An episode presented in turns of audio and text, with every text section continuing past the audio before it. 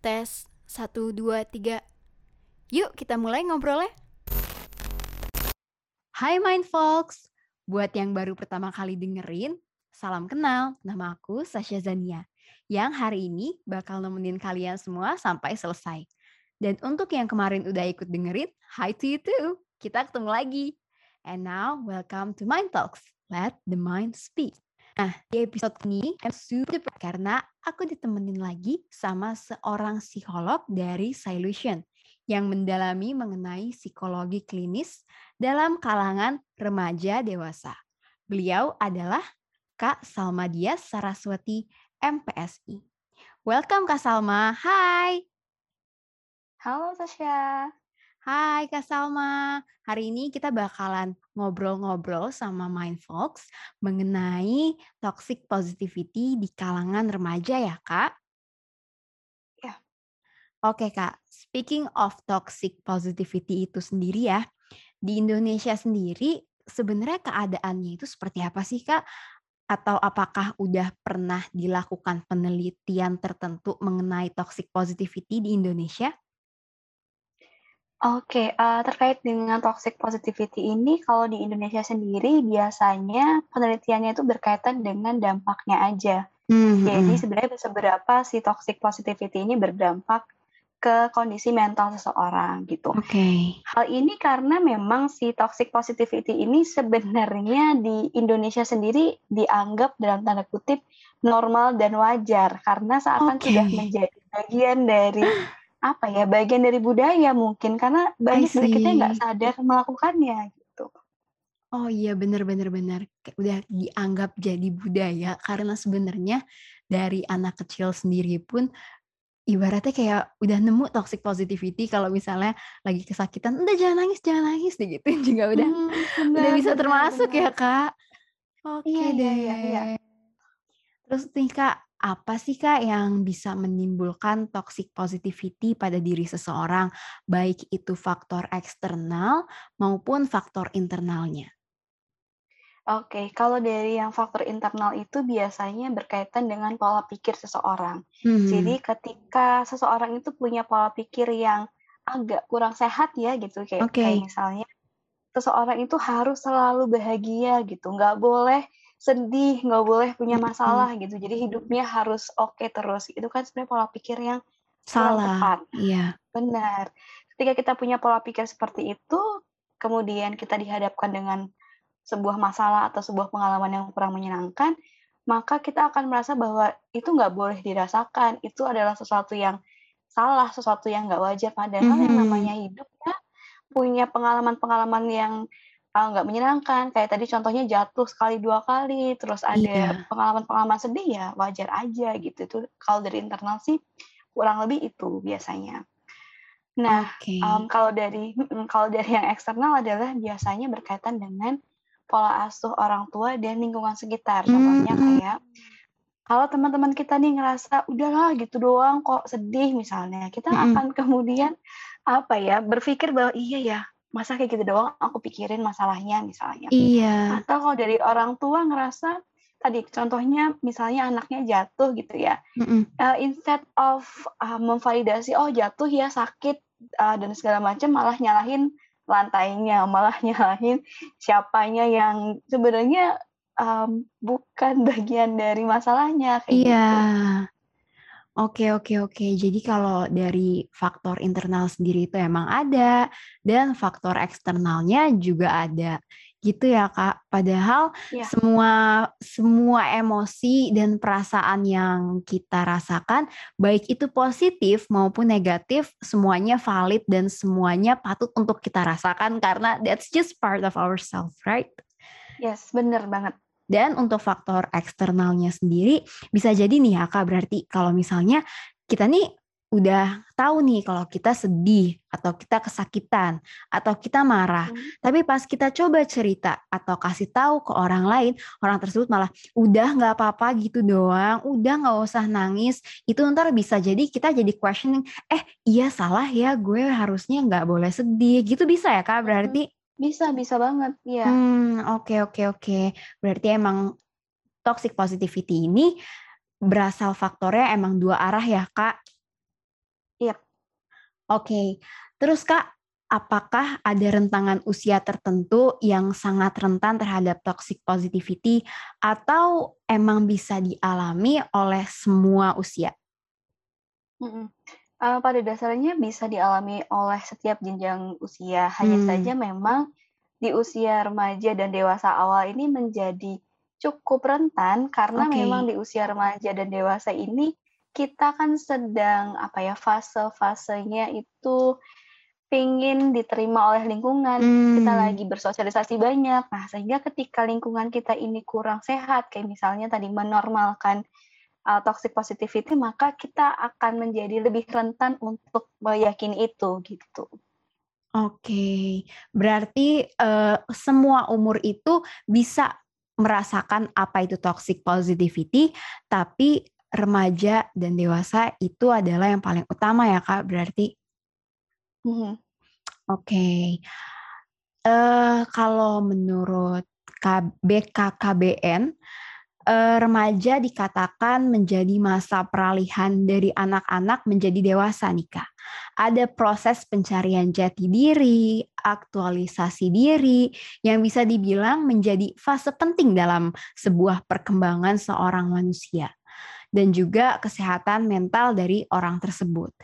Pertanyaannya, apakah rentang usia remaja menjadi rentang usia yang rentan dari toxic positivity nih? Lebih sering menyerang remaja atau dewasa gitu, Kak? mhm. Oke, iya remaja memang menjadi lebih rentan ya terhadap toxic positivity ini karena memang pada fase remaja, remaja ini tadi kan berusaha untuk membentuk dan mencari jati diri mereka. Oh Dan iya. biasanya mereka membentuk jati diri ini berdasarkan ekspektasi dan harapan lingkungan, Mmm, ling harapan orang lain. Dan, eee, sayangnya memang banyak lingkungan dan orang lain itu yang merasa bahwa seseorang itu harus selalu terlihat kuat, harus selalu bahagia, nggak boleh, oke. apa ya, nggak boleh terlalu terlarut dalam masalah dan lain sebagainya. Sehingga ketika remaja itu kurang bisa mengelola dirinya, maka dia akan berusaha untuk membentuk itu, akan meyakini Mmm, bahwa Iya ya, masa masalah gini aja aku sedih gitu, atau iya bener sih aku nggak boleh nggak boleh cengeng, nggak boleh, eee, apa namanya, punya masalah memang harus positif, harus kuat terus gitu karena, eee, lingkungan expect itu gitu padahal sebenarnya, eee, bukan gitu. Jadi again sebenarnya tergantung dari bagaimana si remaja itu kemudian memproses emosi yang dirasakan dan mencari sumber-sumber lain. Makanya ketika misalnya nantinya eee, remaja itu merasa, kok sudah disemangatin tapi nggak tambah baik atau nggak ngerasa lebih baik, ya berarti mungkin bukan itu yang dibutuhkan. Jadi kita juga harus bisa mencari sources yang lain gitu. Memang kita harus find the core dulu to find the solution juga ya, Kak? Mhm mhm, betul. Tapi nih Kak, apa sih relevansi dari toxic positivity dengan remaja? Kenapa itu menjadi rentang usia yang sangat rentan dengan toxic positivity? Apakah karena lingkungannya atau karena emosinya yang belum stabil atau gimana, Kak? Ah, banyak faktor sih tadi sebenarnya dari lingkungan juga, dari, eee, diri remaja itu sendiri juga gitu. Karena memang, eee, fase remaja ini memang fase masih ya emosinya masih belum terbentuk sempurna ya, masih me Mhm, mencoba memahami, masih mencoba mengelola. Sehingga ketika ada emosi yang nggak nyaman tadi misalnya ada rasa sedih, rasa kecewa, mhm, remaja ini cenderung untuk terburu-buru untuk mengalihkan. Kayak misalnya kalau lagi sedih atau lagi marah, mhm. hanya berusaha untuk, "Ah, enggak deh, nggak boleh nggak boleh kayak gini, harus harus senang lagi, harus happy lagi." Jadi mereka Oke. berusaha untuk mengalihkannya sehingga, eee, instead of, eee, menerima dan menyadari perasaan apa pun yang muncul, tapi cenderung terburu-buru untuk, "Nggak boleh kayak gini, harus lebih baik." Padahal itu nggak sehat, kayak gitu. Oke, I see. Berarti nih Kak, dalam usia remaja ini, seperti yang dikatakan tadi, emang masih dalam proses pencarian jati diri, di mana itu bisa pengaruh ke dalam emosi yang nggak stabil nih Kak.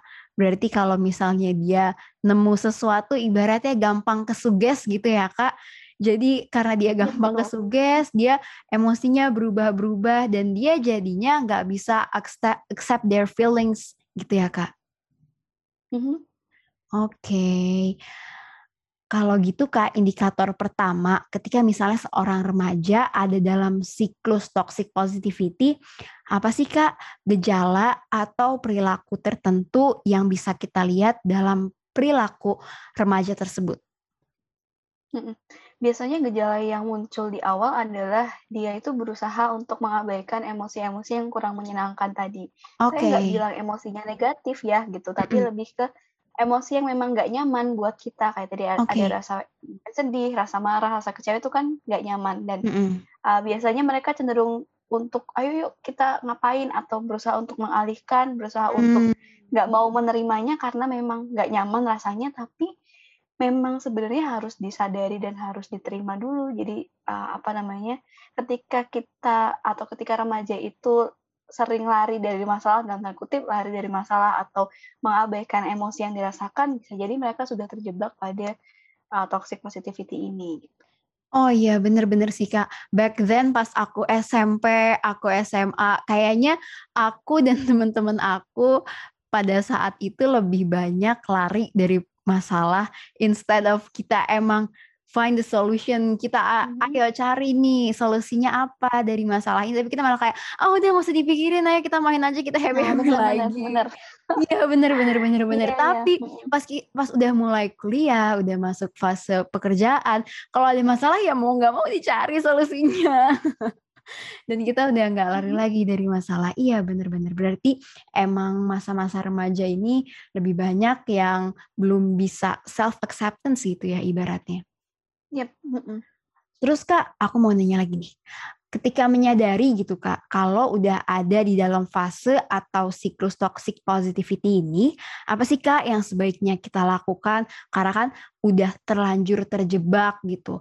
Apalagi mhm. orang yang ada dalam situasi toxic positivity ini, mereka kan berarti nggak bisa self acceptance. Mereka nggak bisa mengakui emosi-emosi negatif atau emosi yang membuat mereka kurang nyaman tersebut. Jadi gimana nih Kak solusinya kalau emang udah terjebak gitu?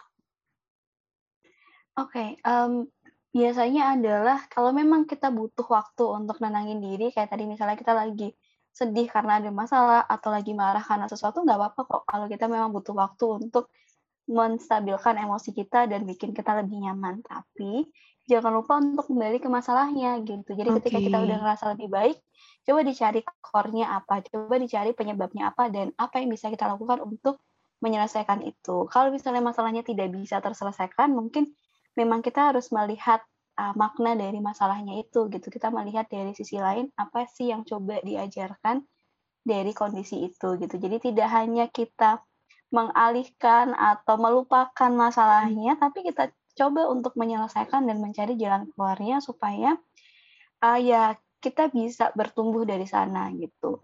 Karena pada dasarnya adalah ya namanya hidup ya nggak mungkin kita happy terus gitu. Jadi Mhm. pola pikirnya pun harus diubah juga. Jadi sesekali kita punya masalah, sesekali kita punya konflik, ya it's okay aja gitu. Oke. Tadi Kak Salma bilang berarti it's okay to take time gitu ya Kak, kalau kita lagi ada Mhm. masalah. Jadi itu ibaratnya, eee, take times untuk itu adalah waktu di mana kita bener-bener merasakan kalau perasaan ini nggak nyaman, tapi tetap harus diterima karena semua perasaan itu emang wajar untuk dirasakan, nggak cuman Bener yang bener. happy-happy-nya aja.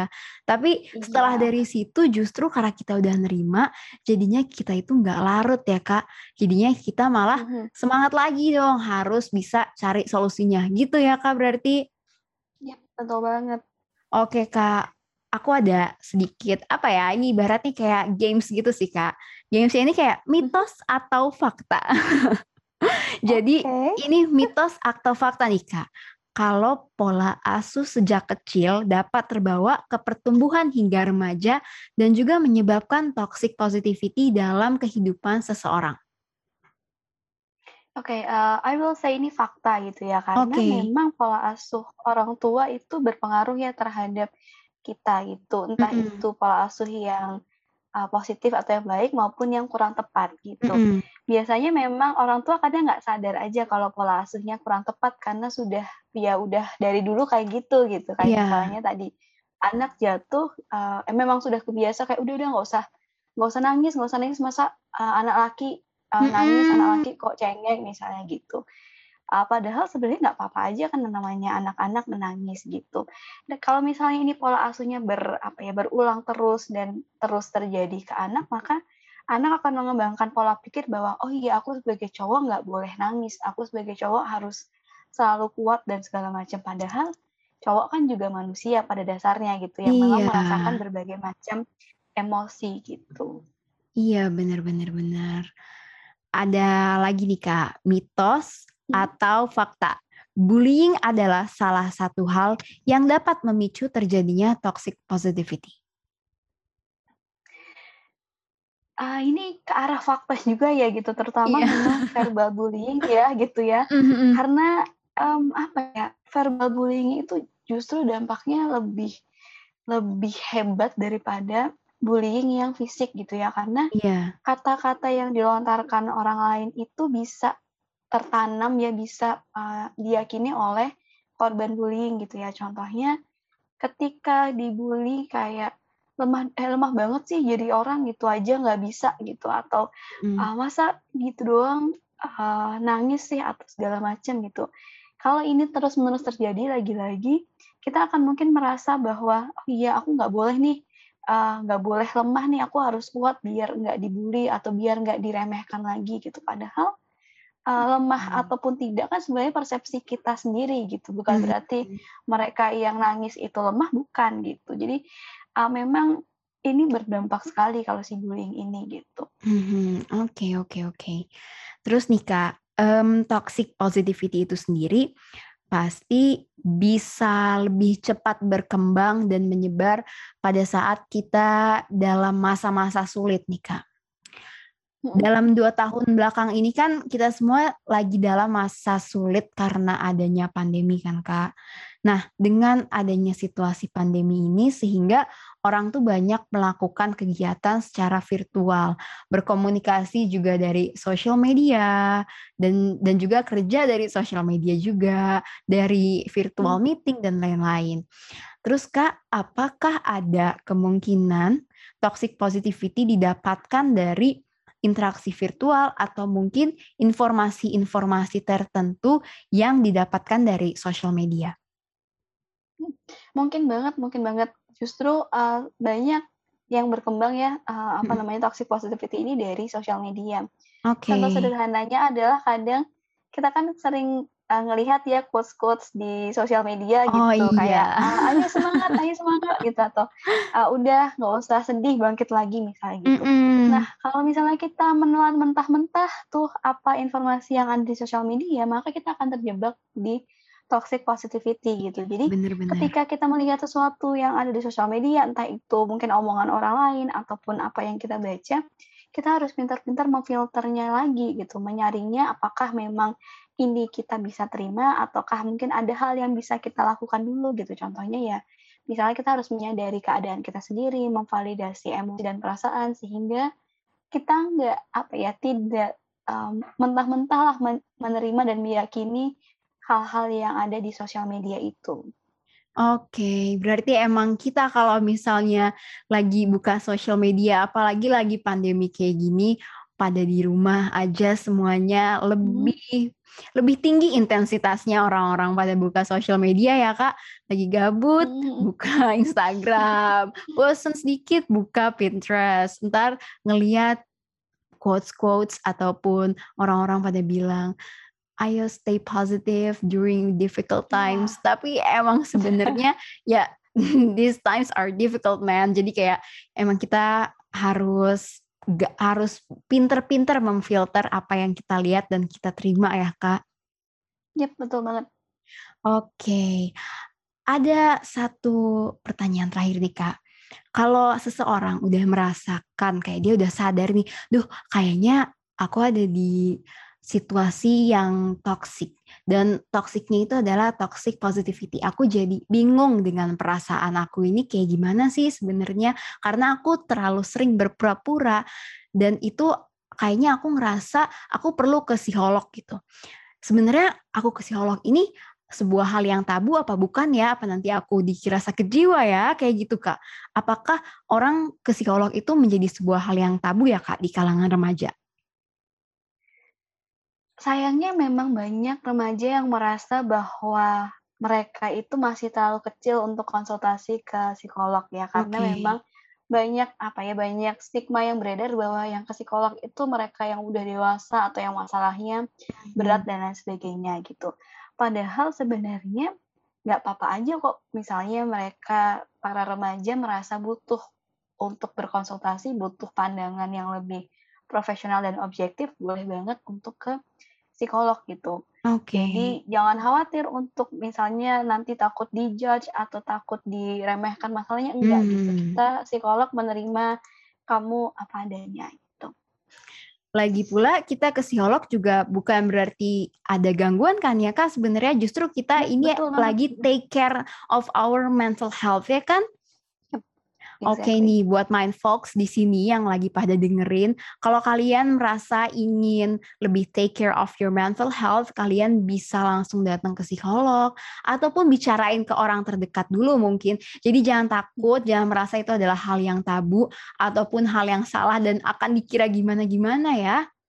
Yap, betul betul. Oke deh. That's all for the question sih, Kak Salma. Thank you so much ya udah jawab pertanyaan dan rasa penasaran kita hari ini. Sama-sama, Sasha dan mind folks. Thank you so much, Kak Salma. Oke, mind folks, itu dia episode hari ini. Seneng banget ya bisa ngobrol banyak sama narasumber yang hebat dan dapat pelajaran deh jadinya. Semoga berguna ya, mind folks. Alright, I'll see you on the next episode then. Bye-bye.